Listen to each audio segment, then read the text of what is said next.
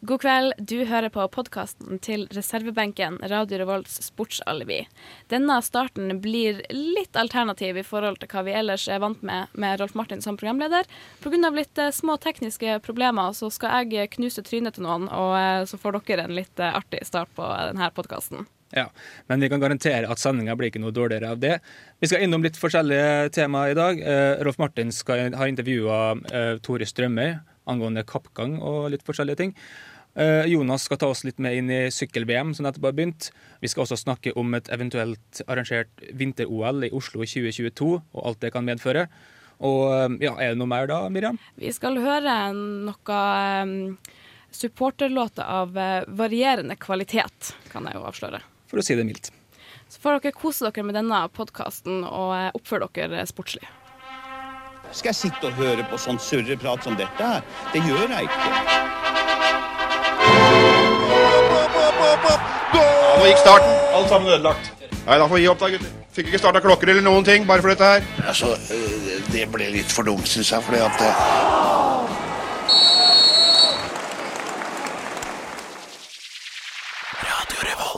Ja, det var Brutus med Personal eh, Riot her i reservebenken. Vi kan jo egentlig bare ønske velkommen eh, til oss. Og Jan Ivar, du står klar? Jeg er klar, vet du. Som alltid. Som alltid. Miriam Jeg er veldig klar. og Jonas. Veldig, veldig, veldig klar. Ja, men da er vi fire som er ekstremt klar her. Og en som var klar etter å ha gått kappgang, han ble håna. Uh, han la opp som 22-åring i den Ja, er det en folkekjær sport? Ikke vet jeg. Men jeg har tatt en prat med Tore Strømøy. Han er jo også Cardiff-supporter, og jeg tror bare vi hører hva han hadde å si. Hvordan ble du Cardiff-mann? Jeg var veldig ung da. Broren min begynte å holde med Leeds United. Så, og jeg vi var jo for Frøya. Og jeg husker på at det vi brukte å se liksom, når vi skulle reise til byen, og så skulle vi vise andre at vi kunne noe, vi som kom utenfra. Så fant jeg Cardiff, da, som òg var litt utafor allfarvei, på samme måte som Frøya. Det lå i, i Wales. De var liksom ikke med i det gode selskap. Langt utafor allfarvei. Likeens som Frøya. Ja, det måtte bli min. Og dessuten så var ikke de i toppen. Det var litt uh, viktig, da. Jeg skulle, skulle ikke velge noen på toppen liksom, og være sånn supporter av et lag som allerede hadde vunnet masse. Jeg skulle være sånn som meg sjøl. Underdog. Du kan jo kanskje ikke si at du er en medgangssupporter likevel. Du Nei. traff dem på Nei, Jeg er jo ikke medgangssupporter. Jeg var jo med ned i nivå tre i mange, mange år. Var jo i det dypeste mørket. Men så var jeg jo så, så, så, Da de kvalifiserte seg til playoff til førstedivisjon, eller nivå to, da, da, var jeg på, ja, da var jeg på Millennium Stadium. Da var jeg på radioen, og jeg borti der var jeg på TV-en, og jeg var med på en sånn stor fest på, på den gamle stadion. da Vi marsjerte jo derifra bort til Millennium Stadium. Og så var jeg jo med da de, Jeg sto jo akkurat der de skåra det 1-0-målet. da. Og etterpå ble jeg invitert på, eh, på banketten. da. Spillerne, fruene, manager Sam Hammam og Tore Strømøy fra Høya. Der satt vi og feira opprykket. Sam Hammond, han eh, som var manager den gangen, og eier, da, eller ikke manager, var eier, Mm. det var jo samme mann som hadde Wimbledon.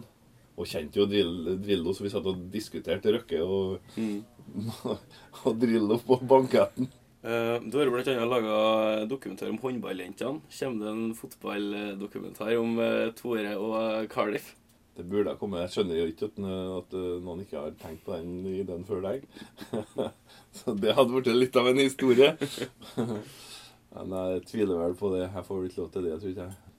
Og jeg er jo en litt sånn ensom ulv og, og liker å på en måte å, ikke være midt i strømmen. Så sånn sett så passer det meg, meg veldig bra. Men eh, det, jeg har jo drevet og jeg må innrømme at jeg har tipsa dem borti her om norske spillere og Rosenborg-spillere og sånn. Det har jo aldri blitt noe, noe salg av det, men ikke sant? jeg mente at de burde komme dit for, å, for i håp om å få en norsk spiller på Cardiff, så vi kunne få litt mer eh, omtale i norske medier. Så jeg kunne eh, slappe å lese bakerst på bare resultatene, for det hadde vært alltid. Um, men du er jo ikke bare fotballmann. Du har jo uh, vært med i styret i Byåsen. Du var styreleder. Ja, nei, det har jeg prøvd å skyve bort. så det var nå vel på Jeg var tre år, som sagt, og det var et det var dugnadsarbeid, sånn gratisarbeid, og jeg holdt på å jobbe meg i hjel. Jeg har fortsatt et magesår etter den tida der. Det var veldig interessant og veldig lærerikt, men jeg tror ikke jeg hadde gått på det i dag hvis jeg visste hvor mye styr det var. Da ville jeg heller hatt en fotballklubb med gutter enn å styrt noe med jenter, for det er farsken ikke lett. Jeg har tre hjemme, da, så jeg har jo treninger òg, men eh, Jeg vet hva jeg vil, ja. Jeg har jo vært idrettsmann i alle år, vet du. Jeg er jo konkurransemann vet du, i alt jeg holder på med. Og det, det, det eneste jeg ikke skjønner, er hvorfor jeg ikke leder idrettskanalen. Her har de en eh, programleder som kan det, og det synes jeg var det jeg som foreslo at de skulle starte nå. Så. Det er det ingen som vet. Så du føler at det er på tide at du skal bli trukket trukket fram? Nei da. Det går greit, men jeg burde ha den. Uh, kappgang. uh, hvis man holdt på med Dro noen damer? Kappgang, ja. Mm. Det var mye damer i kappgangen. Du blir herda av å være med i kappgang. Du, må, du blir en tøffing av det. Jeg var jo ikke noe tøffing i ungdommen, men etter å være holdt på med kappgang, så, så, så ble jeg det fordi at eh, når du går langs veien, og alltid noen roper eller gjør seg til etter deg Og det er ikke noe respekt å få for en kapphenger, altså. Det var mobbing langs veien hele tida på hver jævla trening. Og det har jeg opplevd i alle år. Så i dag, f.eks., når jeg skal ut og trene, eller trim, da, som vi kan kalle det, så går ikke jeg kappgang. Jeg orker det bare ikke. Jeg har underholdt langs veien for mye til det. Så, så masse gode minner fra konkurranser treningsleirer og reist rundt i hele verden, men fra treningene der voksne folk sto hang ut og gjorde seg til etter guttungen, det, det var ikke så artig. Men hvis du så du kvalifiserte til OL 1980, men på pga. boikott så var ikke med. Hvor surt eh, var det? Dagen vi skulle reise hjem, på, da fikk vi beskjed om at eh, Norge boikotta. Og det var, det var som nedtur at det var ikke å Men den gangen så, så, så skjønte vi ikke hva Afghanistan var. Og som idrettslig så var det min største nedtur. Og, men for å si det, da. Norge gikk ikke glipp av noen gullmedalje. Det jo ikke det. Nei. De gikk glipp av en OL, Tore gikk glipp av en OL-deltakelse, men Norge gikk ikke glipp av noen medalje. For det ville jeg aldri ha klart. Den tida der hadde vi ikke en sjanse. Og i ettertid så skjønner vi jo hvorfor. Der vi hører at, eh, at det var systematisk doping. Og det skjønner jeg i dag. Når vi så det kallene for forbi oss og var jo ikke slitne i det hele tatt, men vi trodde vi skulle dø. Nei, Jeg holdt på fra jeg var 9 til jeg var 22. Slutta tidlig fordi at uh, far min mente at jeg burde ha en jobb og, og tjene noe penger sjøl. Og, og du tjente ikke noe penger på å holde på med kappgang. Og dessuten så hadde jeg lova meg sjøl at jeg aldri skulle bli en sånn gammel kall som senka stevnene. For jeg husker på når vi var små, det var det verste vi visste. Det var sånne gamle sånne, uh, oldboyser som holdt på en halvtime, time lenger enn oss, og vi måtte stå der og vente på premieutdelinga. Kalla med åreknuter og, og spytte leggene gjennom. Så fant jeg at det, sånn skal ikke jeg bli. Jeg skal bli død, ung og bli et vakkert lik, og det har jeg holdt. Kappgangens Jim Morrison. ja. Kappgang, eller gangsport om du vil. Den mest ubrukelige idretten av dem alle. Der utøvelsen ser så idiotisk ut at det i seg sjøl bør være grunnlag nok for diskvalifisering av samtlige utøvere. Vi kan jo alle prise oss lykkelig over at Tore Strømøy la kappgangen på hylla i sitt populære TV-program, der han sneik seg rundt og avslørte farskapsplikta for lykkelig uvitende stakkarer. For tenk deg at du en dag skal forflytte deg 50 km. Bil, buss eller tog utmerker seg som de mest effektive alternativene. Sykkel er jo også et hensiktsmessig framkomstmiddel, hvis du er av den sorten folk. Velger du å løpe, er du jo virkelig badass. Men hvor mange av dere tenker at nei, dæven, jeg tror jeg skal gå så fort jeg kan, med knestrekk og ett bein i bakken hele tida? Nei, vet du hva? Kappgang, terningkast nei.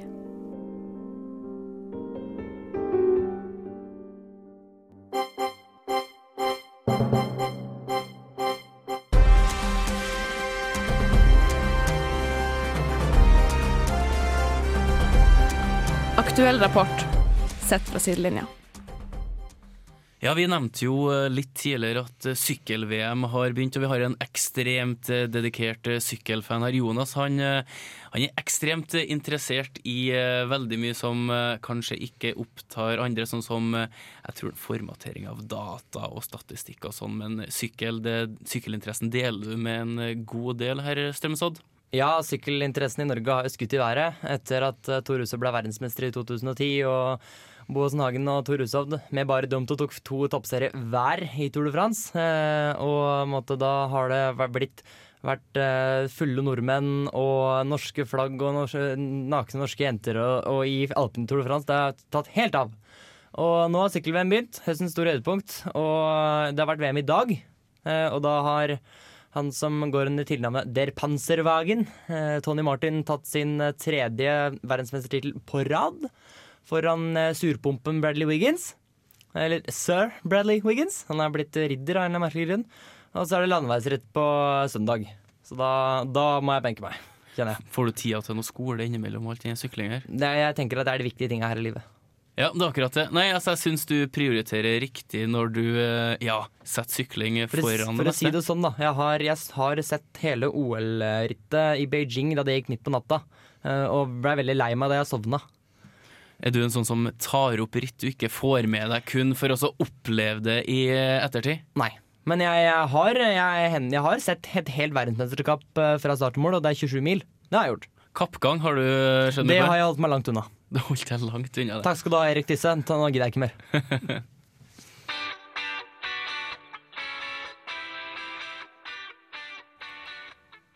Tor Hushovd, jeg må berømme deg. Du er et beist på sykkelen, men ikke minst. Hadde det ikke vært for deg, hadde vi aldri kunnet nyte godt av utbrudd som Kom igjen nå! Dette tror jeg du klarer, Tor Hushovd! Ja! Du klarte det, Tor Hushovd! Og Lord har Jomfru Maria! Vi har Tor Hushovd! Og vi glemmer vel aldri Edvard foran Tor Hushovd! Vi eier sykkelverden! Og selvfølgelig Ja, det er det! Nei, nei! Nei, Tor! Nei, Tor Hushovd! Tor Hushovd! Au, au, au! Sett deg ned, Kristian. Altså, dette ordner seg. Og til slutt Tor Hushovd, du er et eventyr! Men utrolig nok er ikke dette alt du gjør for å glede oss i Uka Sykkelfans. Du er ikke redd for å si hva du mener. Jeg har vondt i den armen. Kan også at Kevin prøvde å kjøre meg inn i gjerdet. Så som jeg har sagt til andre, det er møkla her nå. Det er urent spill, og håper han blir diska på etappen. Men når alt kommer til alt, er det vår alle store helt Tor Thor! I love you! Vi gleder oss hele tiden til hva du presserer og lirer av deg til media, og hvem som har sett stykk på deg og gjort at du velta denne gangen. Som Christian Påske har sagt før meg, Tor Hushovd, du er et eventyr. Altså, Jeg blir jo sliten bare av å høre på at de tar seg helt ut. Jeg fikk jo faktisk hosterier under, eh, under det vi spilte nå, og Tor Hushovd er jo mye omtalt. Hva skjer med han? Jons? Tor Hushovd begynner å bli gammel. Tor Hushovd er 35 år. Eh, Tor Hushovd har eh, ikke vært med i Tour de France på, i løpet av de siste to åra pga. sykdom og klønete laguttak. Eh, og nå begynner han også gikk han ut og sa i går at uh, nei, skal jeg bare drite i Tour de France, kanskje? For jeg blir jo Altså, jeg, jeg trener og trener og trener, blir faen ikke tatt ut. Altså, han uh, skotter litt på motivasjonen til gutten, tror jeg. Aner vi en mulig overgangsalder for han Hushovd her? Jeg håper da for guds skyld ikke det. Men uh, Tor Hushovd har slått tilbake før. Han uh, sa før 2000, eller i, etter å ha gjort et møkkdårlig ritt i 2010 at da, nå skal jeg vinne VM, og han vant VM. Ja, jeg lurer på at, eh, Hva skal Tor Hustad drive med hvis han har overgangsalder? Han sykler jo allerede. Men eh, det, det er litt morsomt vi nevner overgangsalder, fordi folk sier jo Tor Hushovd, finn deg et annet sykkellag. Du er på et lag med altfor mange stjerner. Han er på et lag, da han gikk til laget sitt som eh, heter BMC for en superfeit lønn, så er han på lag med fire andre tidligere verdensmestere på sykkel. Så det er tydelig at han er i veldig godt selskap, men i litt for godt selskap. Men du ser jo på det Niani kom med nettopp her. altså Det er jo folk i overgangsalderen med tynne føtter, kanskje litt eh, stor overkropp fra brystet og ned, som sykler. Og hvis en syklist eh, nå finner ut at han er for gammel, hva gjør han eh, når han legger opp? Da, når han, en syklist legger gjerne opp, og da hvis det er en syklist som har lyst til å fortsatt være en del av sporten Tor Hushovd har jo sitt eget kontinentallag som heter Plussbakk BMC, som spyr ut sykkeltalenter, og eh, har spytta ut en som heter Sondre Holst Enger, som mest sannsynlig kommer til å bli proff.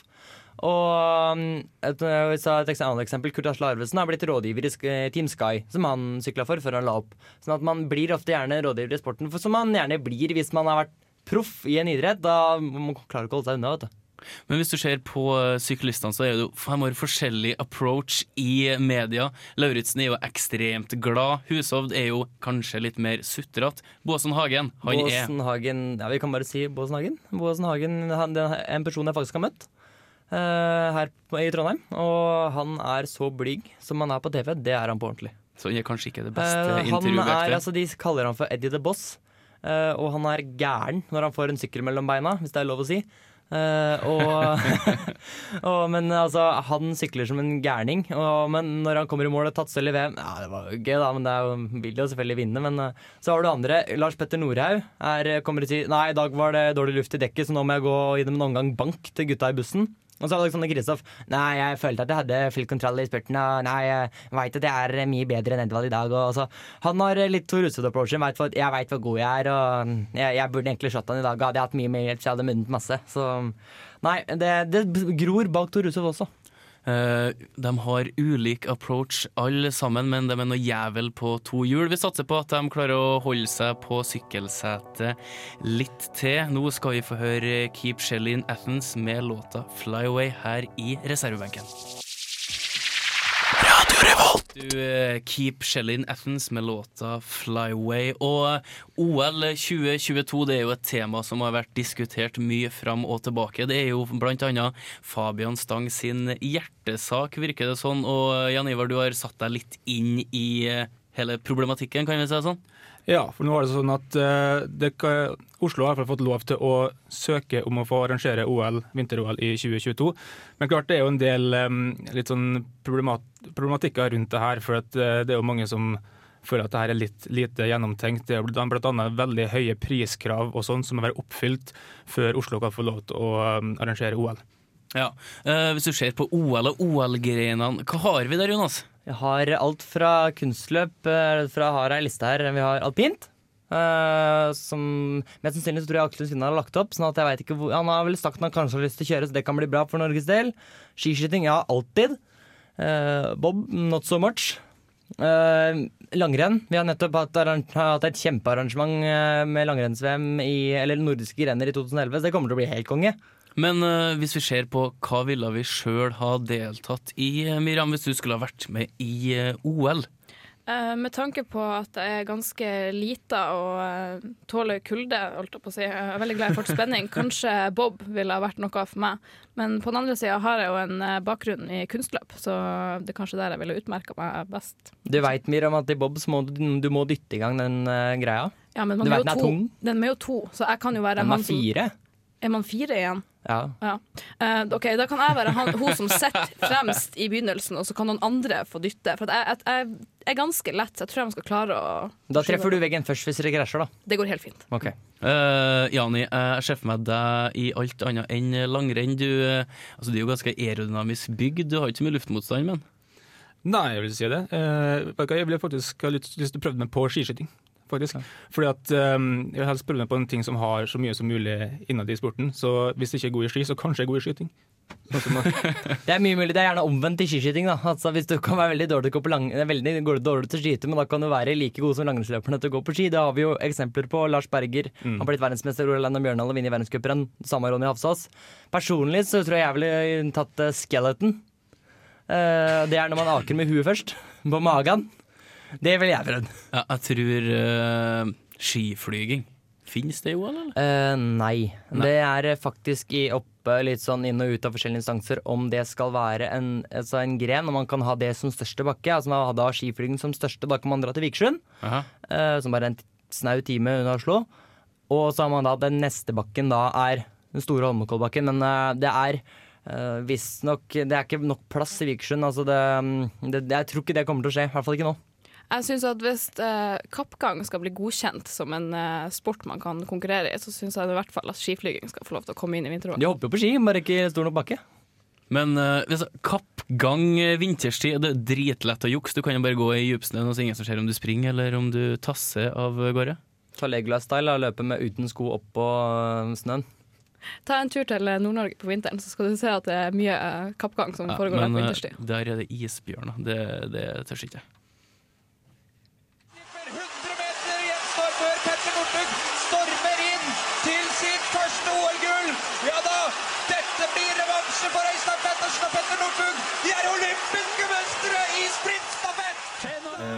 Jeg med postdok eh, Tore Jacobsen på Institutt for sosiologi og statsvitenskap. Uh, utover studiet som du har gjort her ved NTNU, så mener du at OL i Oslo 2022 er kritikkverdig.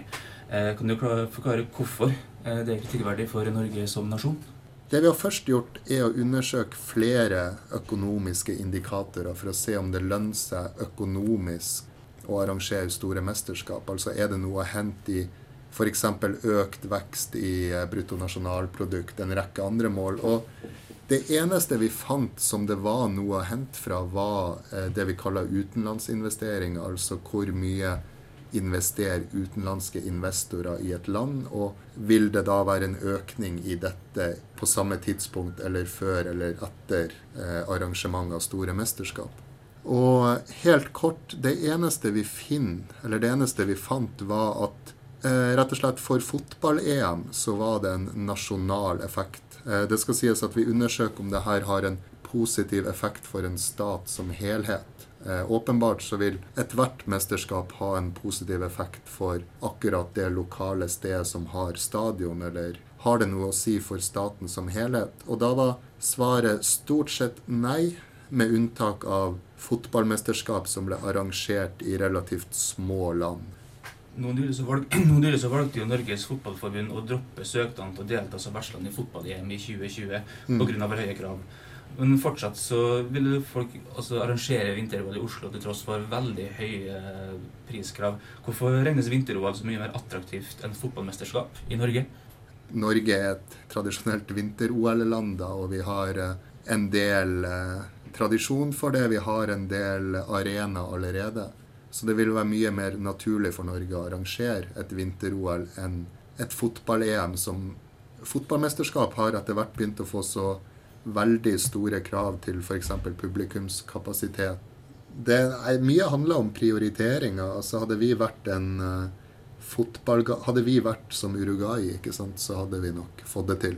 Eh, men vi er ikke Uruguay. Vi er vel så mye et vintersportsland, selv om fotball er vår største idrett. OL-søknaden til Tromsø ble jo ganske kjapt avslått. Og nå når Oslo plutselig ser ut som en seriøs OL-kandidat, så mener en del folk fra Nord-Norge at de har blitt dårlig behandla og bl.a. latterliggjort. Um, vil Oslo 2022 uh, skape en større distanse mellom Oslo og Nord-Norge? Eh, det kan være. Uh, absolutt. Det kan være at folk i Nord-Norge føler seg urettferdig behandla med at Tromsø ble sabla ned. Men ja, du spør om min personlige mening, så mener jeg at man kan si hva man vil om eh, OL-søknaden til Oslo, men sammenligna med Tromsø så fremstår den i hvert fall mye mer seriøs. OL i Tromsø var fullstendig useriøst fra første stund. Det er et altfor stort sjansespill å, å arrangere OL eh, på et så værutsatt Altså Det vil være så væravhengig. Du kan fort ha to uker med skikkelig dårlig vær. Det ville blitt en total fiasko. Eh, du har mye mindre lys på vinteren i Nord-Norge. Eh, folk skal komme seg hjem fra arrangement, må famle rundt i mørket. Altså, Tromsø-OL ble vel funnet på på at uh, ideen kom på et nachspiel, og den burde kanskje få blitt der. Jeg er jo sjøl fra Nord-Norge, og altså, man vet jo at bruk så mange milliarder på å gamble at det skal være to uker med relativt fint vær, det, det kan man bare ikke gjøre. Kald skal Petter være nå. Teichmann gjør et forsøk på å gå fort fra start. og så hekter han litt. Det gikk bra. Harvey Nordtun. Guess what? I got a fever. And the only prescription is more cowbell. Ja, der hørte vi um, Tor Georg Jacobsen, som er postdok uh, ved Institutt for sosiologi og statsvitenskap på NTNU. Uh, han har altså gjort uh, en studie som um, handler om arrangering av store mesterskap, og om det gagner seg økonomisk for nasjonen som arrangerer det.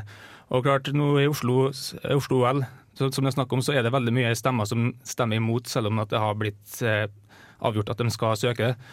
Og det jeg har gjort, da, at jeg har gått litt ut på gata og spurt litt totalt tilfeldige folk hva de syns om en arrangering av Oslo-OL i 2022.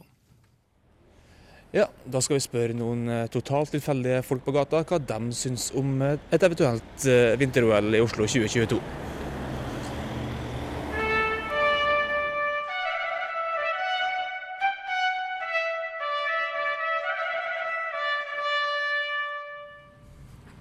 Hei, et lite spørsmål. Eh, hva, syns du, hva syns du om at Oslo har tenkt å søke om å arrangere OL, vinter-OL i 2022? Nei, nå må dere gi dere med dette her OL-maset. Jeg har ikke søringa nok der nede med den der pornoparken sin og den der steinklumpen i fjæra de kaller et konserthus. Nei, hvis det finnes én god grunn til å gi Oslo et uh, vinter-OL, så må det nå faen meg få være at han der uh, hotellvergen endelig klarer å holde kjeft og slutte å kvine. Takk skal du ha. Hallo. Synes du at uh, vinter-OL skal arrangeres i Oslo i 2022? Nei. Det er økonomisk uforsvarlig. Al altså, Jeg blir forbanna. Og etter hva de gjorde med oss i nord, med henblikk på Tromsø-OL Nei, altså, Det er rett og slett uforskamma. Det neste blir vel at de frekke, smoothieguglende, saltrøkte sparegrisene tar olja og dernest fisket vårt. Jeg skal faen ta meg kjølhall i ei balje med forderva fiskeslo. Jævla glatte, umoralske femikvislinger. Jeg ville heller ha delt jacuzzi med han Tande P mens jeg snorta flasshårene til han Dan Børge Akerø enn at OL skal arrangeres i Oslo. Takk. Unnskyld. Hei. Eh, lite spørsmål. Hva, syns du om at eh, Oslo har tenkt å arrangere vinter-OL i 2022? Har du eh, seriøst tenkt å spørre meg om det? Ja. Du vil høre hva jeg syns om det? Mm. At de der jævla søringfettene kommer gliende inn og skal ta ifra oss det eneste vi hadde gleda oss til siden andre verdenskrig. Det er faen meg, det er så jævlig uforståelig at dere tror dere kommer dere unna med det der. Jeg blir så forbanna når dere kommer opp til meg, og så kommer dere i tillegg og stikker en fuckings mikrofon i trynet mitt og skal spørre meg om hvordan jeg har det rundt temaet. Kan ikke dere finne noen andre å plage om det her? Jeg kommer faen meg mye heller til å sprenge meg sjøl i lufta på Gardermoen enn å se en jævla OL-utøver lande med et fuckings fly der. Vi har alt vi trenger i Tromsø for å arrangere et fantastisk bra OL. Og så kommer dere lirende som forbanna idiotene dere er, og stjeler fra oss det eneste vi har gleda oss til. Nok en gang. Jeg ville heller ha rensa navlen til han Jørgen Foss med tunga mi, enn å i det hele tatt tuna inn for et minutt med Oslo-OL. Det skjer faen ikke. Ja, OK. Takk skal du ha. Fuck you. Reis til helvete.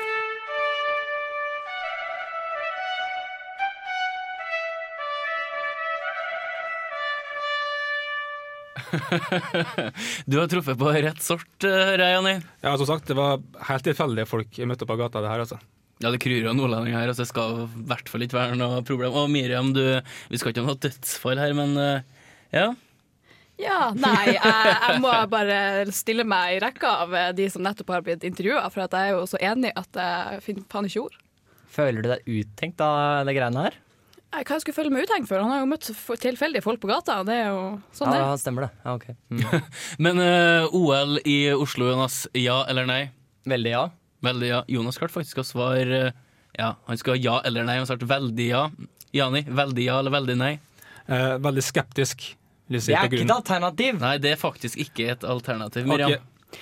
Altså, søringa vet at i Nord-Norge, det eneste vi har, det er altså snø. Vi har snø og snø og snø. Og vi har fjell og høye, altså lange, bratte bakker. Og vi har så mye langrennsski at vi nesten ikke har plass til det. Altså, Hvorfor er det Oslo, den der jævla gryta av noen skyskrapere og betong som skal få liksom, OL? Det er jo, det er jo Tromsø som liksom er, som er plassen. Har dere, eh, påstår at dere har også veldig mange langrennsski og masse snø. Hvorfor har dere da da sa jeg at eh, sånn tre fjerdedeler av langrennslandslaget kommer fra Trøndelag? Ja, nei, Det får du ikke spørre meg om. Det er sikkert noe fraflytting og emigrering pga. isbjørnene som Rolf Martin snakker om. Men- Nei, men så her handler det om en ekstremt bra genpol, og ser du f.eks. på vinteridrett, så er jo majoriteten av medaljene tatt av nettopp trøndere. Så hvorfor ikke legge OL til Trondheim? Er du positiv til det, Rolf Martin? At det er Trondheim som skal legge en søknad? Ja, for all del. Da får vi kjempefine hotell, vi får nye rundkjøringer, vi får asfalterte gater, bussholdeplasser, og ja, vi får kanskje renskap litt i de ulumskhetene som er rundt omkring, blant annet moldenserne, Jani. Mm, det stemmer på en prikk. Og det er jo faktisk sånn at eh, det var jo snakk om at Trondheim skulle søke om OL sammen med Åre. En eh, slags kombo mellom Norge og Sverige. Kunne det vært en god idé? Da synes jeg Ideen er jo god, eh, tanken er god, men da syns jeg også at studentmediene i Trondheim og Radio Revolt skal ha førstepri på pressedekninga. Eh, ja, det er jeg helt enig i. Men det, det er ikke så helt hinsides det Janni sier. Fordi Trondheim har så seint som i 1997 hatt VM i nordiske grener, som var en kjempesuksess. Og året hadde i 2007 verdensmesterskap i alpint og to gull til Norge. Eh, I sus og dus. Det har vært kjempemessig. Veldig fine alpinbakere i året, det har jeg også kjørt i, så det er jeg veldig positiv til. Årsaken til at vi ikke får et OL i Trondheim er pga. den helt for jævlige VM-sangen vi hadde i 97 med annet Nidarosdoms guttekor og Ulf Risnes og Åge Aleksandersen. De, eh, de klarte faktisk å lage et helvete ut av eh, noen toner. Takk for det. Jeg hører fremdeles ikke at eh, Tromsø har blitt nevnt, som har, eh, har avholdt noe Dere fikk helst. ikke OL, dere. Nei, det Get er vi fullstendig klar over, Jonas. Get over it. Ja, men eh, vi legger eh, OL-diskusjonen eh, død her. Vi skal gå litt videre. Vi har jo en par eh, ganske spesielle fotballåter på gang, og eh, Davy Vatne skal rappe, så jeg tror bare vi rusler videre. What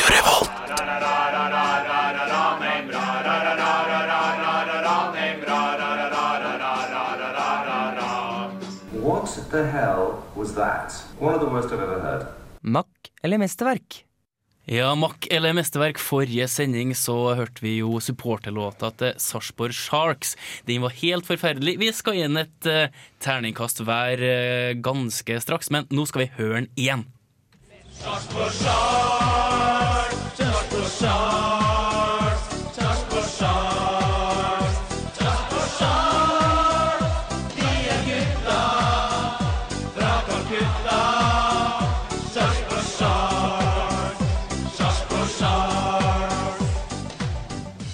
Ja, Jeg nevnte jo sist her at det går an å begynne å blø fra ørene når du hører den låta her, og jeg tror faktisk det kan spre seg til et blødende magesår. Og apropos blødende magesår, har du noe på hjertet, Jonas? Eh, når du klarer å trykke inn gutta fra Calcutta i en fotballåt, så um, da kan du brenne. Beklager, Sarpsborg Sharks. Det, det holder faen ikke mål. Supporterlåta i kappgang! Det må jo være noe for oss! Ja. Trond Nymark, Trond Nymark, Trond, Trond Nymark! Den går ikke bra, vet du. Nei, det går ganske dårlig. Uh, vi skal ta og så gi den her uh, Eller vi skal kaste en terning, en imaginær terning. Og Jonas, hvor mye vil du gi den fra én til seks, der seks er utrolig bra? Det er på høyde med de beste låtene som er laga i idrettssammenheng. Uh, ja, jeg tror jeg faktisk har nødt til én. jeg. fordi, av det første har du mm, rippa off hele melodien. Så hørte vi i forrige uke han der som sang, det var helt talentløst. Altså, gutta fra Calcutta, god morgen, klisjeer og takk til deg. Eh, Ternekast én. Ja, skjerp deg. Ja, kort fortalt én fra han Jonas. Eh, Jani? Jeg er veldig enig med det Jonas sier, men jeg velger fortsatt å gi den en toer, faktisk. For jeg er fortsatt veldig imponert at de greier å si Sarpsborg Sharks såpass mange ganger etter hverandre. Virkelig. Ok, Så du får det rett og slett fordi at eh, de uttaler navnet på klubben. Det er jo eh, Jeg føler at lista er kanskje ikke tilstedeværende. Og Miriam? Um, jeg tenkte jeg skulle gi den terningkast én, men så ombestemte jeg meg og gir den terningkast to pga. at tallet to spiller på hvordan eh, sleng, slengord for kroppsåpning de, de gjerne kan putte den sangen i. ehm, jeg tror faktisk at jeg gir denne her en toer, for at uh, litt catchy, plagsom, Uh, rett og slett de første og verste låta vi har spilt. Snart nå så skal vi få høre ei anna låt som jeg setter ganske stor pris på. Den kom på 90-tallet i forbindelse med at TV 2 laga en Premier League-samle-CD med supporterlåter, og Davy Vatne, han eh, snakker til lyd. Vi kan jo bare høre hva han har diska opp med her.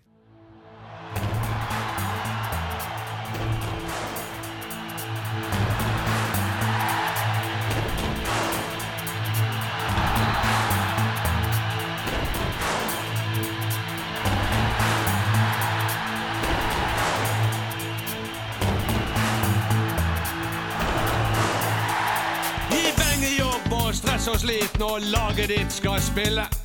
Løs på snippen, hyl og skrik, vi er sterke, ikke snille. Når dommeren blåser klar, følg med ballen og pass på. Det kan bli scoring nå. Ja, vi kjenner jo Davy Vatne fra TV 2, og han gjør seg kanskje best som sportsreporter, ikke vet jeg. Jani, hva syns du om den eh, låta her? For å si det sånn, Jeg er veldig glad for at Lars Vaular står eh, fremmest som representant for bergensk rapp. For det her var ikke så veldig mye å skryte av, syns jeg egentlig. Nei, det var kanskje ikke optimalt, eh, Miriam. Um, Nja, nja Ikke noe jeg ville hørt på, liksom, frivillig. Var det catchy, ja? Catchy var det. Refrenget var litt catchy. Jeg tør påstå det her er for mange, da den eh, var altså, blei lansert, så var det en skikkelig guilty pleasure. Blant eldre kvinner som Å, Davy Vatne, han altså. Og så rapper han og greier! Men akkurat som omgangsuka omgangssjuka, så betyr det ikke at det er bra bare fordi det er catchy. Oi, takk for den. Jeg tror det er greit at han har flere strenger å spille på. Og vi begynner å kaste terning, Janni. Jeg tror det blir en toer her også. Syns, jeg syns refrenget redda sangen litt. Ja, eh, refreng og refreng. Miriam? Jeg gir en treer, for jeg syns tre er et fint tall. Ja, Jonas? Uh, altså, De låtene klarte seg overraskende bra til å rappe. Det var catchy refreng. Han andre som rappa, var bra. Så jeg tror jeg skal gi fire. Og du gir fire. Nei, jeg står igjen med en Jo, du får fire, altså. Yes. Uh, det er den beste så langt, men uh, i konkurranse med Sarpsborg Sharks Ja, da er det ganske lite som skal til for å få et bedre terningkast. Hvis det er noen som har eh, forslag på låter vi kan eh, ta med her, så er det bare å eh, kontakte oss. Du kan gå inn på reservebenken.no. Der har vi et kontaktskjema du kan eh, fylle ut. Så eh, skal vi klare å få veldig mye stygt på eh, lufta. Der fikk du Spider-God med Into Tomorrow, og vi er jo snart ferdig her i reservebenken. Vi har jo sittet på sidelinja, men vi blir faktisk ganske sliten av det. Og vi har fått inn eh, en søknad her, eh, hastesøknad i løpet av låta, og vi har en selvoppnevnt økonomiansvarlig som mener at kanskje det er litt unødvendig med OL i Oslo. Jeg vet ikke, Miriam, du har tatt fram eh, kalkisen? Ja, jeg mener hvis han stat Norge skal liksom punge ut milliarder på et OL i Oslo, men nekter å gjøre det samme for Tromsø, så kan vi jo regne litt på hva vi alternativt kunne brukt pengene på. Eh, Nå er det jo en eh, 23 milliarder som eh, den søknaden eh, som Oslo har lagt inn om eh, at staten skal garantere for. 23 milliarder er ganske mye penger. Så hvis du liker Volvo 240 og syns det er greit med en rød en fra en modell mellom 1983 1987 inni der en plass, så kan du få eh, 11 500 sånne for prisen av et Oslo-OL. Hvis du heller liker Dalspils, så kan du få 531 178 kasser med det. Og jeg liker Dalspils, så jeg vil heller ha Dalspils enn OL, plutselig. Ja. Jeg er veldig glad i Studentersamfunnet, og jeg har brukt penger på et treårsmedlemskap eh, sist. Eh, hvis staten heller skulle brukt de milliardene sine på det, så kunne de ha kjøpt 255 555 treårsmedlemskap på Studentersamfunnet i Trondheim. Så det med Dalsen, de kunne altså finansiert den der, um, eh, kasseknuta til hele, hele årets, eh, også årets russ, faktisk, med den prisen. Og jeg tror faktisk ikke vi har plass til alle medlemmene på eh, Samfunnet, Miram. Vi eh, begynner å nærme oss eh, slutten her. Vi går på overtid, og vi kan jo egentlig bare si at dere må glede dere til neste sending. Enda flere stygge låter, og vi skal ta opp mye stygt, rett og slett. Da er det bare å takke for oss her i reservebenken. Du hører på Radio Revolt, studentradioen i Trondheim.